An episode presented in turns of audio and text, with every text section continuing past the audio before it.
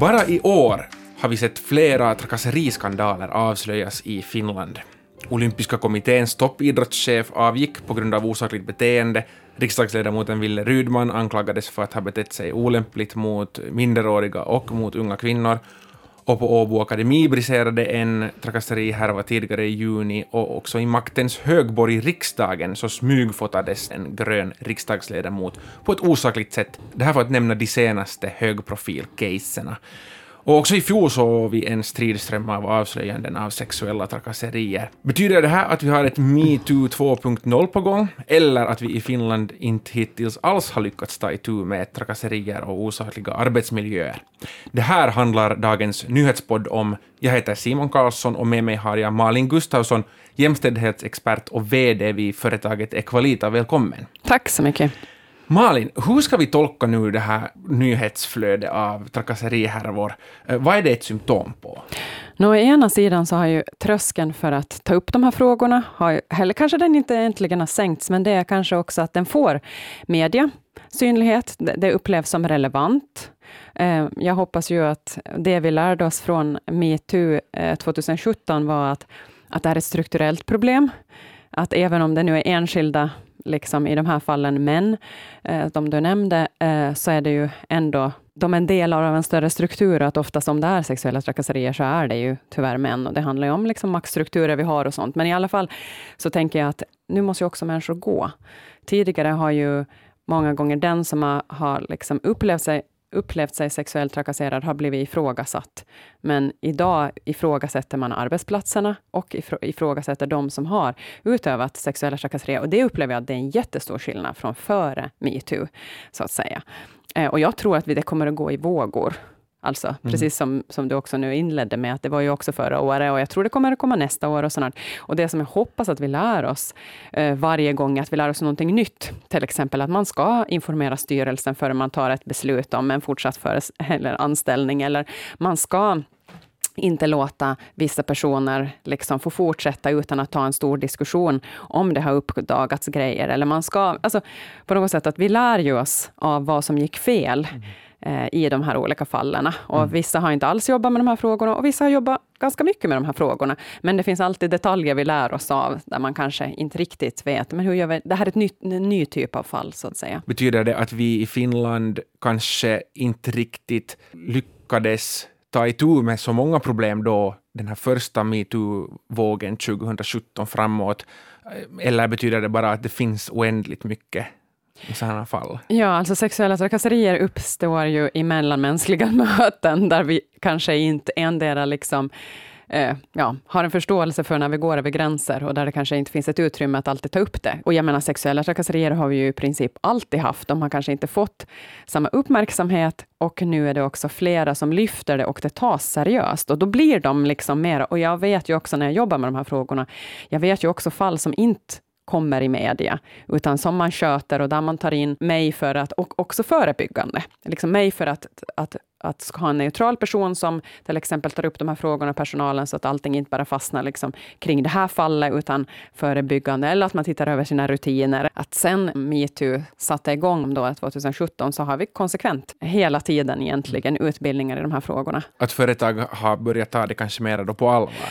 Ja, alltså egentligen kanske också att det funnits en möjlighet att före, före metoo, så, så de här liksom vad ska man säga, eh, olika enkäter som görs på arbetsplatser, så har ju sexuella trakasserier funnits med som en fråga. Men när de har dykt upp, så har man tänkt, ja, men det är ju bara liksom 5 procent. Eller så har man sagt att vi ska nu inte göra det här till en stor grej, att folk ska inte tro att här sexuellt trakasserar man. Men efter metoo blev det egentligen så att om man inte pratar om de här frågorna på arbetsplatsen, så då har man kanske problem som man inte vill vad ska man säga, eh, visa upp, mm. på att säga. Så, så hela det här det är ett jättestort skift så att säga. Så nu att vi pratar om det betyder att vi tar ansvar. Varför är det så vanligt? Hur uppstår det? Handlar det om eh, personer eller sitter det i väggar på olika mm. arbetsplatser? Ja, jag tänker att det handlar ju... När jag jobbar då liksom en mångfaldsfråga överlag, så många olika diskrimineringsgrunder. Så jag menar, vi har ju också rasism och vi har homofobi och alla de här grejerna hänger ihop. Att det handlar om maktförhållande, vem som har makten att göra vad mot någon. Eh, och såklart att män i högre grad har haft makt av liksom, att kontrollera kvinnors kroppar, som vi till exempel ser nu i USA med abort. Och, och så. De är ju bara liksom, vad ska man säga, de är en del av en jättestor struktur. Så att jag upplever ju det att okej, okay, nu har vi sexuella trakasserier, men egentligen kan det vara också homofobi på en arbetsplats, det kan vara rasism på en arbetsplats.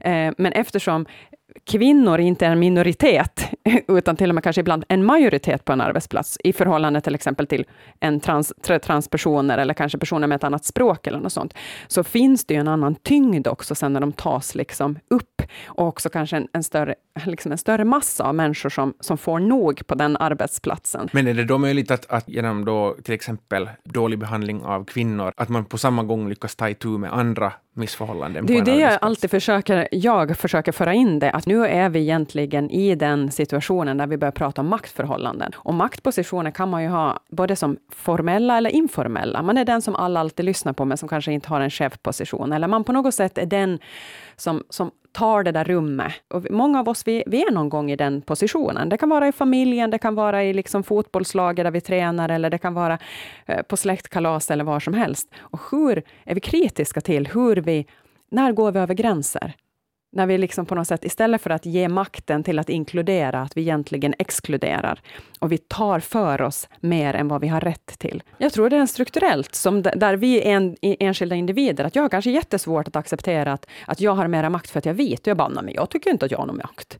Och då kan ju män tycka också, men jag har ju ingen makt. Att kvinnor kan ju göra som de vill. Men eh, jag säger inte att det finns ett maktsystem där jag som vit i princip alltid kommer att ha ett maktövertag i en sån värld, hur den ser liksom ut nu. Mycket jobb finns det säkert och mera på vissa ställen och mindre på andra ställen. Om vi tittar tillbaka på några av de här färska eh, fallen som har uppdagats eh, och hur, de har, hur de har bemötts. Eh, Olympiska kommitténs toppidrottschef, först försökte kommittén kanske lite skydda och den här mannen och hålla tillbaka den här skandalen, men sen gjorde man en omvändning och tog itu med problemet, åtminstone visade de ett sånt drag utåt. Medan sen har vi sett den här Åbo Akademi-härvan, där Åbo Akademi anser att eftersom det skedda har hänt på fritiden så är det inte deras ansvar. Mm. Sen sa du ändå tidigare att det att vi överhuvudtaget mm. talar om det här och tar det på allvar istället för att tänka att det inte är så farligt, det här med, om vi då talar om sexuella trakasserier, men det gäller nog också rasism och, och mm. andra saker. Hur bra är vi i Finland på att ta itu med de här sakerna och har vi blivit bättre? Blir vi bättre hela tiden? Jag tror att vi blir bättre, just att de här fallen kommer upp så blir det ju liksom att man börjar tänka på sin egen arbetsplats när vi får konkreta exempel. Som till exempel Åafallet blir ju en diskussion nu. Just det, vad är det där när, när någonting sker på arbetsplatsen eller utanför?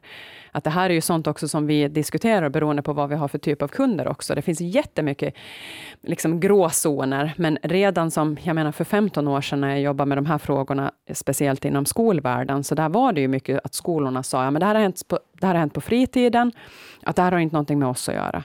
Men de här grejerna kommer ju in och, och, påverkar hela stämningen i den där skolan. Och på samma sätt så är det ju också en arbetsplats. Att, att, att liksom, ah, målet med det här jobbet är ju, att, eller vad ska man säga, uppdraget som arbetsgivaren har, är att skapa en trygg arbetsplats.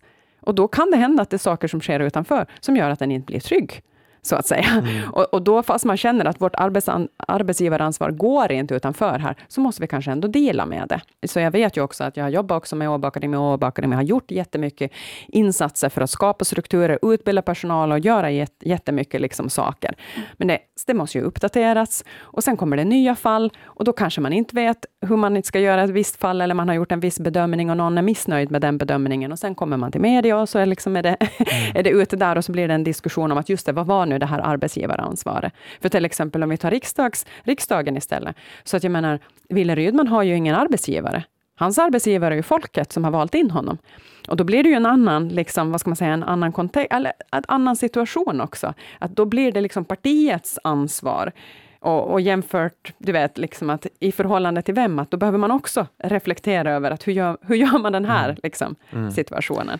Du har lite, vi har redan lite varit inne på vad som, hur det kan gå till när man går in och uh, tar itu med en situation på en arbetsplats. Men jag tror att kanske många ändå har en förväntning på att riktigt bra på det här blir man först när vi lyckas förebygga det effektivt. Mm. vad finns det för sätt att förebygga att sådana här maktstrukturer uppstår och lägger sig i väggarna? Ja, alltså det är ju att ständigt ha en diskussion till exempel, av att delvis att liksom fundera på hur organisationens värderingar tar sig uttryck i praktiken. Och sen också att, att om vi säger till exempel, eftersom sexuella trakasserier är någonting som Någonting som betyder ingenting för mig kan betyda liksom någonting för dig. Men att vi har ett öppet klimat där du kan säga att hej Malin, du sitter lite nära. Och att jag förstår att när du säger det, så betyder det att du värnar om vår relation här på arbetsplatsen. Att du på något sätt vill eh, värnar om, om, om liksom arbetsplatsen som sådan och att du också är trygg med att du vet att när du säger det till mig så kan jag ta det. För att det är svårt liksom att föra den här diskussionen om vi inte kan ta det. Att var och en av oss måste vara beredda på att det är någon som kommer att säga till oss. Och hur hanterar vi det? Att inte plocka bort det så här, så här ja men Simon, jag jobbar ju med de här frågorna, att varför skulle jag, att jag vet hur nära man kan sitta, att jag har liksom, alltså direkt då har jag bortförklarat din upplevelse och sexuella, sexuella trakasserier är en subjektiv upplevelse, punkt. Det spelar ingen roll vad jag har haft för intentioner eller vad jag har... Och det är ju den här, liksom, så ska vi förebygga, är ju det att, att hur kan vi överhuvudtaget prata om utmaningar på arbetsplatsen? Allting när jag känner så här, den där tonen, du vet, att, att det inte handlar om att vi trycker ner varandra, utan vi har en, liksom en vi har ett öppet klimat där vi kan säga till för det där lilla, så att det inte behöver växa upp till någonting större.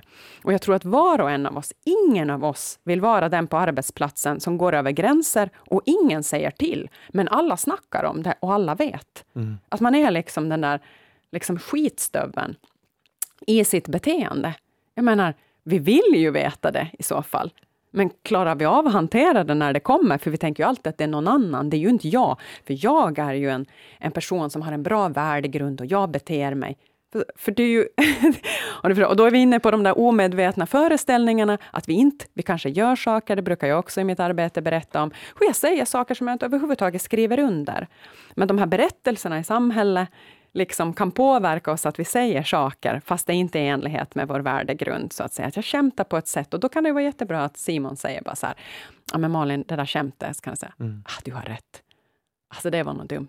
Och sen går vi vidare. Så behöver det inte bli en arbetsskyddsfråga eller, du vet att, men om det inte och sen kan det ju vara så grovt förstås, och det är en annan fråga. Men det här, det här är förebyggande, att, det, att vi tar tag i det när det fortfarande är smått. Rannsaka sig själv och se till att arbetsplatsen har en låg tröskel för att, uh, att uh, säga till, helt enkelt. Absolut. Men när vi talar om, om vi talar om uh, det mera strukturella, eller kanske åtminstone det mera utbredda, det som inte är bara fast i individer, på vems ansvar är det då att ta tag i saken? Är det jag är det jag som, om, om vi säger att jag skulle vara offer för trakasserier på arbetsplatsen, är det på mitt ansvar att gå till chefen och säga nu måste vi göra någonting, eller vem, vem ska ta tag i det helt enkelt? På sätt och vis är det ju upp till dig, att om du tar det med den här personen och den inte, den inte sköter det, eller den, liksom inte, den tar inte seriöst, så då är det ju du som går till chefen, eller du går till det fackförbund, eller om det finns en arbetsskyddsansvarig på arbetsplatsen.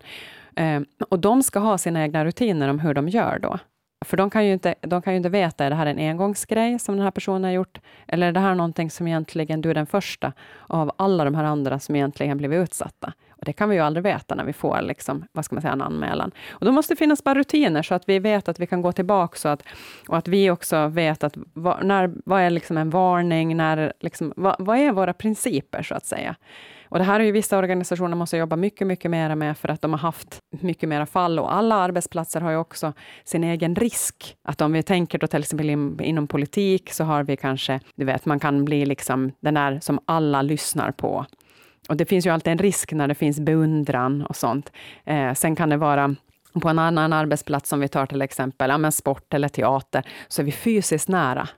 Och direkt där finns det risker av att när känns det bekvämt? Och sen, så alla arbetsplatser har sina egna platser där, där vi behöver, vi behöver på vår egen arbetsplats också identifiera de här platserna. Och det är alltid arbetsgivarens liksom, ansvar. Så klart att vi som arbetstagare har ett ansvar att inte trakassera. Det är liksom det utgångspunkten. Och arbetsgivaren har ett ansvar att se till att det är tryggt. Förebyggande grejer eller ingripa och föra saker vidare om någonting händer. Tusen tack Malin för att du var med i Nyhetspodden. Tack för att jag fick komma hit.